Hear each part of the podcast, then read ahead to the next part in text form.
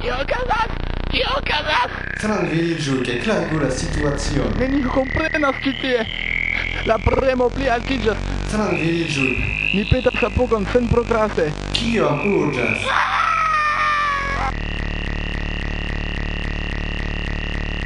Do en venas por ĉiu la tago finfina Jam ŝvitas la homaro sub ĉielo Tro varma odoras io en aero Kiun ĉiu sentas kaj vekiĝas la pratimo Do pekantoj. Ekpentas Ek, ek, vi leviĝu sen protekt. Restu vek, kalkulu ĝis tek Vi ne zorgas pri malvenk.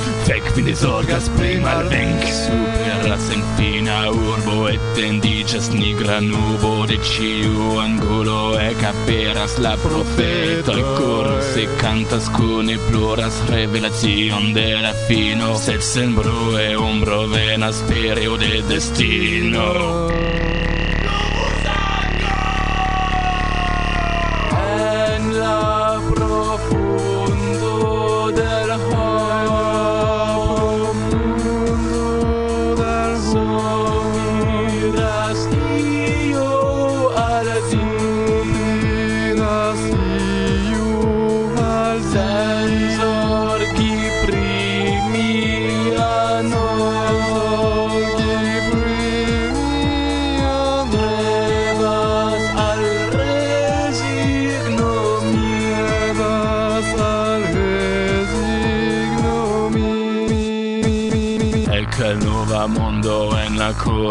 estas faero tra la cervo blovas vento super civilizazio dum secundo de silento e comprenas la homaro che felicion veran donas nur la harmonio.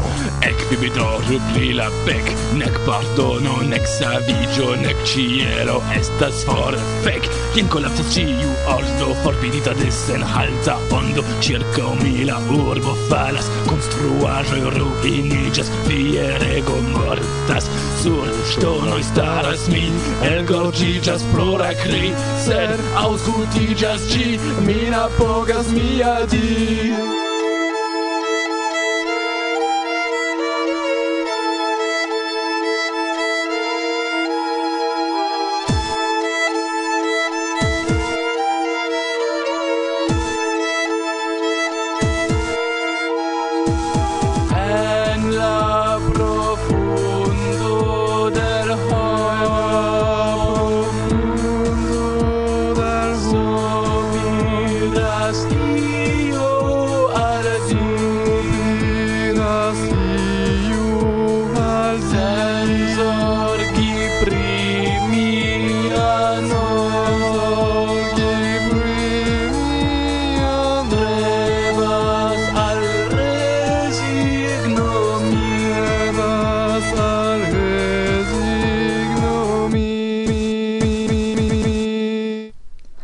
Saluton, mi estas Ala, kaj nun mi invitas vin al la angulo de Aleksandro Melnikov.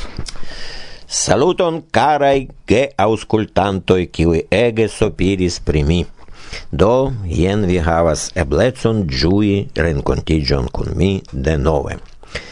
Mi ne scias pri kio paroli, pro tio mi parolos pri tiel nomata lingva personeco de tipa Esperanto-kulturano kion signifas tipa Esperanto kulturano. Estas homo kiu sufiĉe longe restas en la movado kaj pro tio scias diversajn movadajn aferojn kaj bone parolas Esperante, sufiĉe bone. Mi ne dirus perfekte, sed sufiĉe bone. Tio estas unu ofero, do tio estas tipa Esperanto kulturano, ĉar ĝuste tiu tipo konsumas kaj produktas Esperanto kulturaĵojn. Compreneble tiaj homoj ne estas multai estas malpli multo, sed juste dank al ili la kulturo de la Esperanto movado progresas, evoluas kaj tiel plu. Unu afero, la dua afero. ciu homo havas divers aspektojn, divers flankajn personecojn. Psikologian personecon, fiziologian personecon kaj tiel plu kaj tiel plu kai ankaŭ lingvan personecon. Tio signifas, ke ĉiu persono havas apartajoin pri produktado de lingvaĵoj de tekstoj, do kiel li mem aŭ si mem parolas, kai ciu persono havas ankaŭ specifaĵojn de kompreno de la tekstoj, kompreno de tio, kion oni al li aŭ al ŝi diras. Char oni ege ege eraras se oni pensas ke ciu homo comprenas same. Tute male, ciu homo comprenas malsame, depende de tio kiun fonon havas tiu homo. Kiun fonon, tio signifas kiun sioin, kiun travivajoin, tiu homo havas. Kiun ideologion tiu homo havas, kaj til plu. Do, ĉu til nomataj tipai Esperanto kulturanoj havas ion komunan sendepende de ilia nacieco. Oni povas diri jes kaj povas diri ne, sed eh, prefere ni ne simple rezonu, sed faru eksperimenton. Mi ja faris ĝin en proksimume ĝis dek kluboj de diversaj landoj. Kai en tiu eksperimento mi proponis al homoin kelkajn aferoin, Unu afero. Diru la unuan asocion kiu venas al vi se vi audas kai mi donis diversen ekzemplojn. Ekzemple, universala la plej parto de la tipa esperantisto tuj donas la asocion kongreso. Belartaj la plej parto tuj diras konkursoj kaj tiel plu. Do, asocioj. Alia afero. Marjorie Bolton scribis foie tute sensie pri fisico mi creis catodon. Do mia demando estis kie estas la vortludo, ĉar ja estas vortludo. Kai nur tiu homo kiu sias ke Marjorie estis ega ega shatanto de katoj, nur tiui captos en la vorto katodo du vortoin, kat odo kai katod o do fizika katodo kaj kat odo. Estis ankaŭ alia demando, kiun aludas oni kaj estis teksto. Ekzemple. Pacio Julio, kiun oni aludas, kiu estas Pacio Julio? Pacio Julio, vi certe jam diris tion, au eble ne, sed vi tuj scios se vi ne sciis. Pacio Julio estas Julio Bogi la classiculo de la Esperanto literaturo. Ancora unu tasko estis bonvolu diri kion signifas cancer clinicae vortoi. Kaj nur tiu, kiu scias pri la enhavo de la gazeto La cancera Kliniko, cancer Kliniko, nur tiu scias, ke kion vi scias pri tio mi lasas iom da tempo al vi pripensi kion vi scias pri tio, dume mi daŭrigos kaj mem poste respondos. Do, simile in demando demandojn mi faris en tiuj diversaj kluboj kaj la konkludo estis, ke sendepende de la nacieco la respondoj, asocioj kaj tiel plu estis similaj de tiel nomataj tipaj Esperanto-kulturanoj. Kion do havas la Esperanto-kulturanoj, kion komunan? nu unua vice scioin, sed ne nur. Mi legos al vi kelkajn eroin de iu tre interesa libro. Jen estas la festoj kiujn mi starigas por vi. En la oka monato de la jaro, en la unua semajno de tiu ĉi monato, festu la feston universalan. Dum sep tagoi altigado la spiriton, ca en la oca tago disiru el ciu engulo de la mondo convenu cae riposo gioi plene. Memoru che la sabato del iaro gi estas por vi, ne faru ian laboron en tiui tagoi nur tipa Esperanto kulturano povas kapti ĉi tie kaj humuron kaj konkretan eventon kiu okazas ĉiam ekde la jaro 1905 kompreneble temas pri la universalaj kongresoj. Foje iu scribis pri esperantistoj. Tiuj, kiuj vivu la stel, sur cravato, sur chapel, sur calzono, sur chemizo, kun la devizo, ciam, cie, kiuj plie portas gin et buton tru, en nazo tru, en tombo tru, en tru la la kaj tiel plu. Do denove nur tipa Esperanto kulturano povas kapti la humoron kaj satiron pri tro stelozaj esperantistoj cetere ĉu vi scias ju pli granda estas la stelo des pli malbona estas posedo de la lingvo kiel oni diras. Krome mi diris jam ke tipo Esperanto culturano bone posedas la lingvon, regule legas Esperanto periodajoin, aŭ aŭskultas Esperanto programoin de Varsovia Vento kompreneble unuavice. tiui kiui partoprenas en la loca nacia kaj internacia movado kaj dividas au pri la moralei, etikai kai aliei valoroi de la movado lingua personetso plei primitive estas kiel la persono mem parolas, kiel comprenas tion, kion diras al tiu persono oni.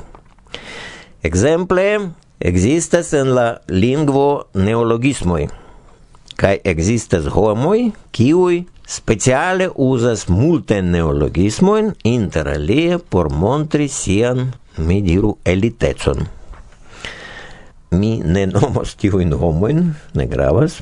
Gravas, ke neologismoi estas unu el la eroi per kiui certaj esperantistoi volas sin iomete elsterigi el la amaso.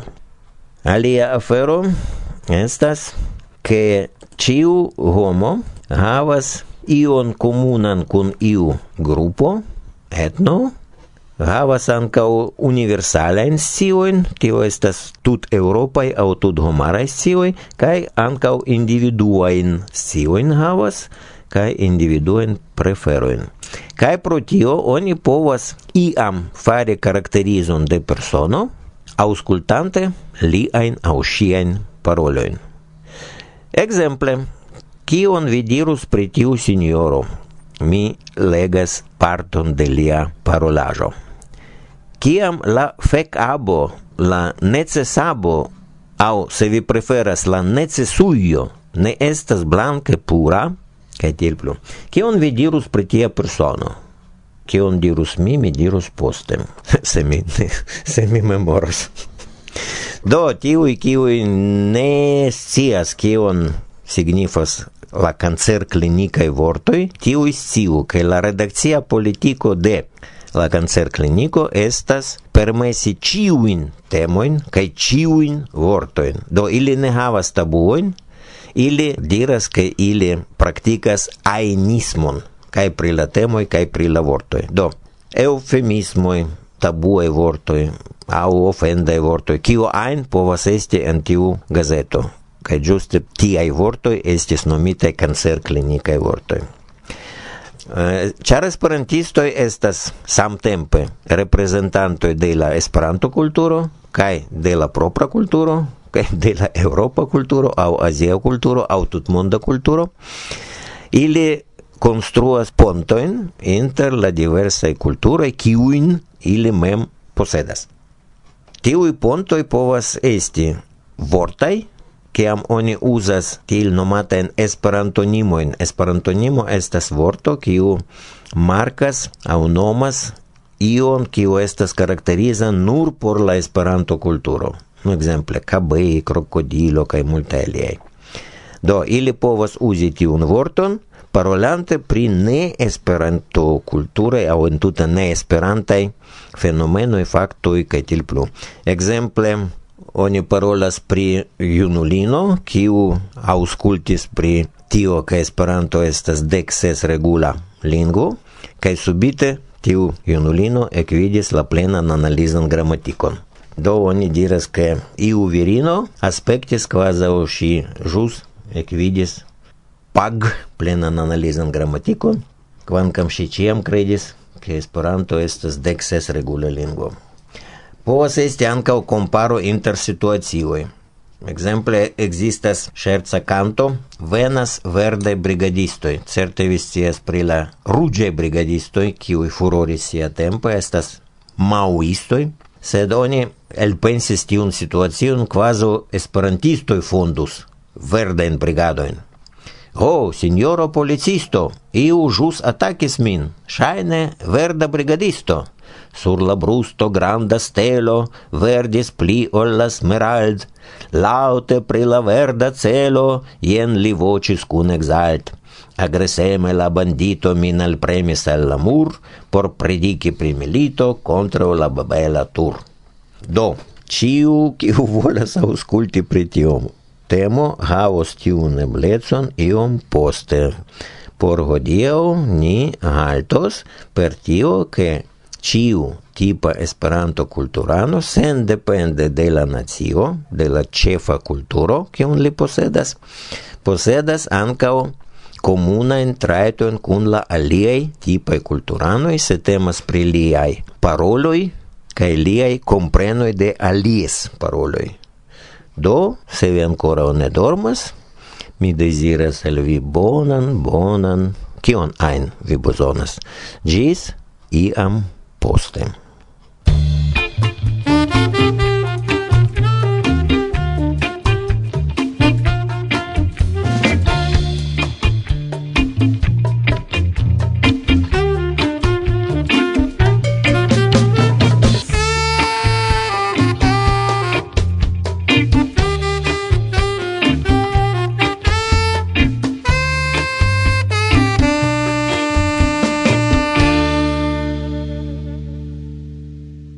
Varsovia vento, bla bla bla. Tago apenaŭ comencigis. Kai jam estas la sesa vespere. La semaino jus comencigis, kai jam vendredas. Kai pasis preskaŭ monato, Kai preskaŭ finigis ciaro. horo post horo, monato post monato, kvardek, kvindek, au sesdec iaroi de nia vivo. Cai subite ni rimarcas, che perdis ni niai gepatroin, geamicoin, cae ancau tion, che estas iam tro malfrue por reveni. Provu ni do profiti la plei grandan parton de tempo, kiu ancora restis. Ne hesitu serci activetson, kiu ni shatas.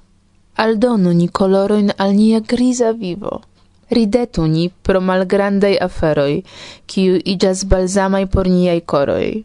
Cai malgrau cio ancora uni ĝuu la tranquillan tempon. Provu ni forigi tiun poste. Tion mi faros poste, stigos mi vin poste, mi pripensos tion poste, poste, poste, poste, poste, quasau tio ion changius, helpus, solvus ni ne rimarcas tion, che poste la kafo malvarmigas, poste niei prioritatoj shangigas, poste La iaro finigas, poste la sano pasas, poste la infanoj kreskas, poste la gepatroi maliunigas, poste la promesoj forgesigas, Poste la tago farigas nokto, poste la vivo finigas cae subite evidentigas che estas tro malfrue por poste. Ne lasu ni aferoin, do kiuin gravas, char tia maniere ni povas perdi la plei bonain spertoin, la plei bonain amicoin, la plei bonan familion. Hodiau estas la giusta tago. Citiu momento estas nun. Se io gravas, ne lasu ni tion por poste char eble poste jam ne venos.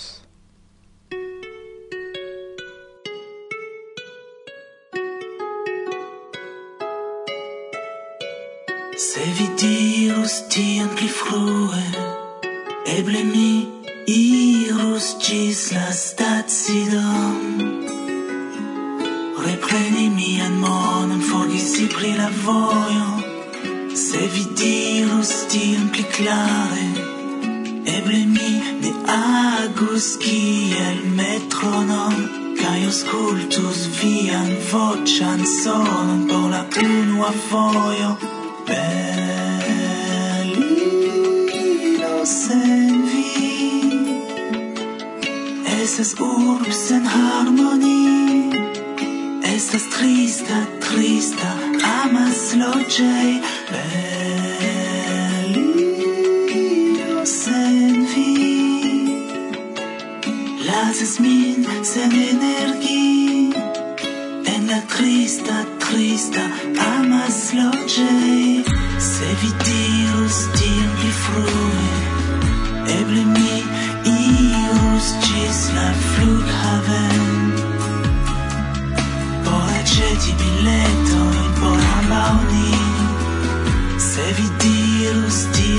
now.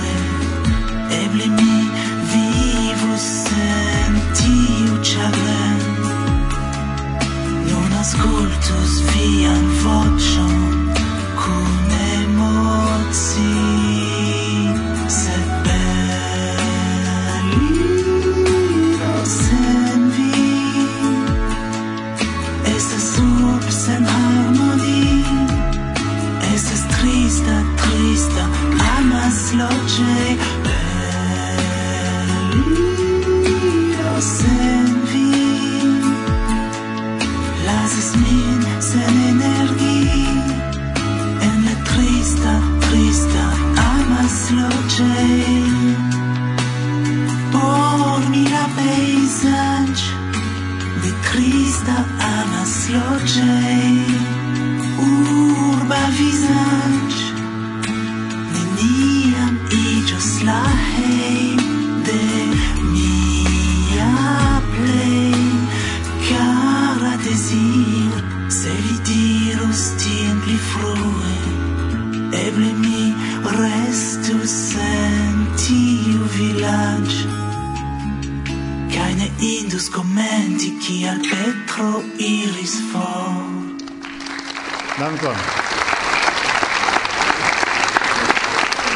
canto havas agion quindec jaroin. Mi tiam estis juna, cae credis enamigion ec de la unua rigardo. Nun mi havas malbona en oculoin, pro tio mi devas palpi. Sed tamen, tamen, io restas. Fervoia historieto. Mi conatigis cun fraulin, entraine, ni reciproke shatis nin, versaine bon inter ni amer trafulmi, cel tacta bru de chemin de fer, și cun mi babilis, cae parola charm de șia, vocet sincer atentis, char ebria sen vin, proltuia sen amici banala mi estis lulis min felic, cae alla fraulinio, ec cantetis mi gioi plene. Quisetis mian vangon sci alvene, cae malaperis cun valiz en tramo, dirinte nur, avocio gis. Eh, amo.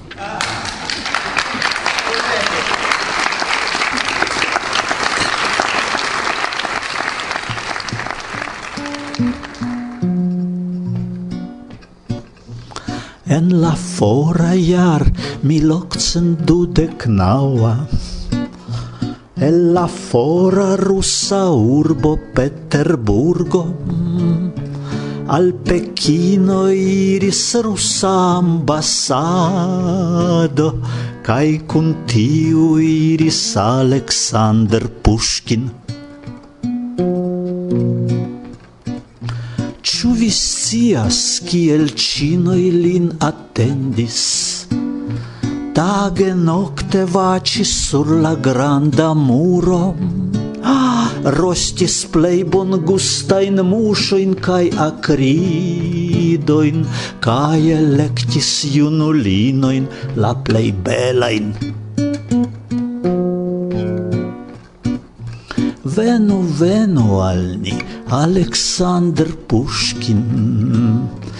Manĝu, manĝu la akridan rostitaĵon, Prenu, prenu inter niaj junulinoj la edzinon obeeman kaj fidelan.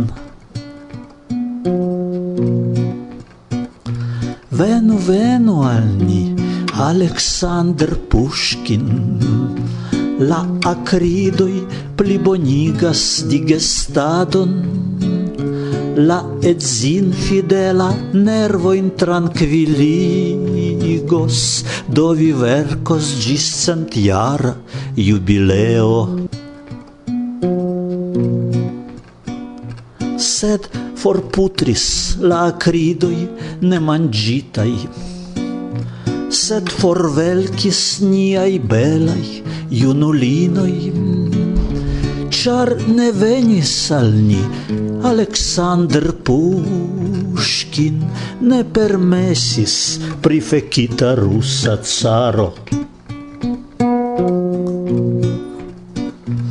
Doni ne preskribu nun en protokolo de altranga hodiaua conferenzo. Culpas nure Nicolao la unua pri la criso en papero productado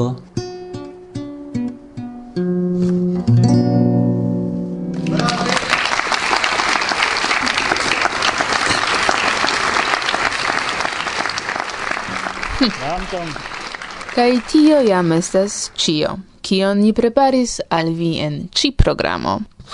Laste iom ni parolis, ĉu prezenti en la programoj ankaŭ temojn, eh, kiuj koncernas historion de la movado. Estus interese, laŭ mi, ĉar tiu temo koncernas fakte nian identecon. Iam en la klubo ni eldonadis revuojn eh, raporto de Varsovia Vento kaj tornado. Eble iu el vi tiun periodon ancora memoras. Kaj en la revuoi ciam estis io pri la historio. Pri conatai kaj neconatai esperantistoj estis artikoloj, serio de artikoloj simple tiel estis. Mi ŝatis tion legi. Ciam mi povis ion exci. To vidos ni ĉu starti kun ciklo de tiuj temoj. Eble jam en la venonta elsendo. Eble. Do, gis la venonta el sendo. Kun corai salutoi al Varsovio. Kai apartai corai salutoi por Kashi. Yes. Do? Gis. Bla, bla. Bla.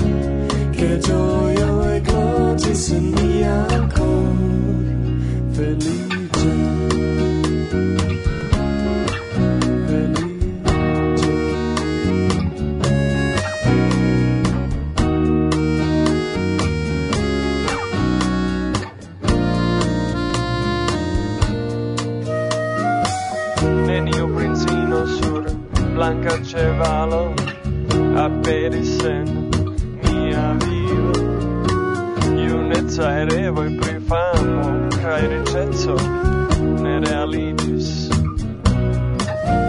sed feliĉe ke ĝojo ekloĝis in mia cor.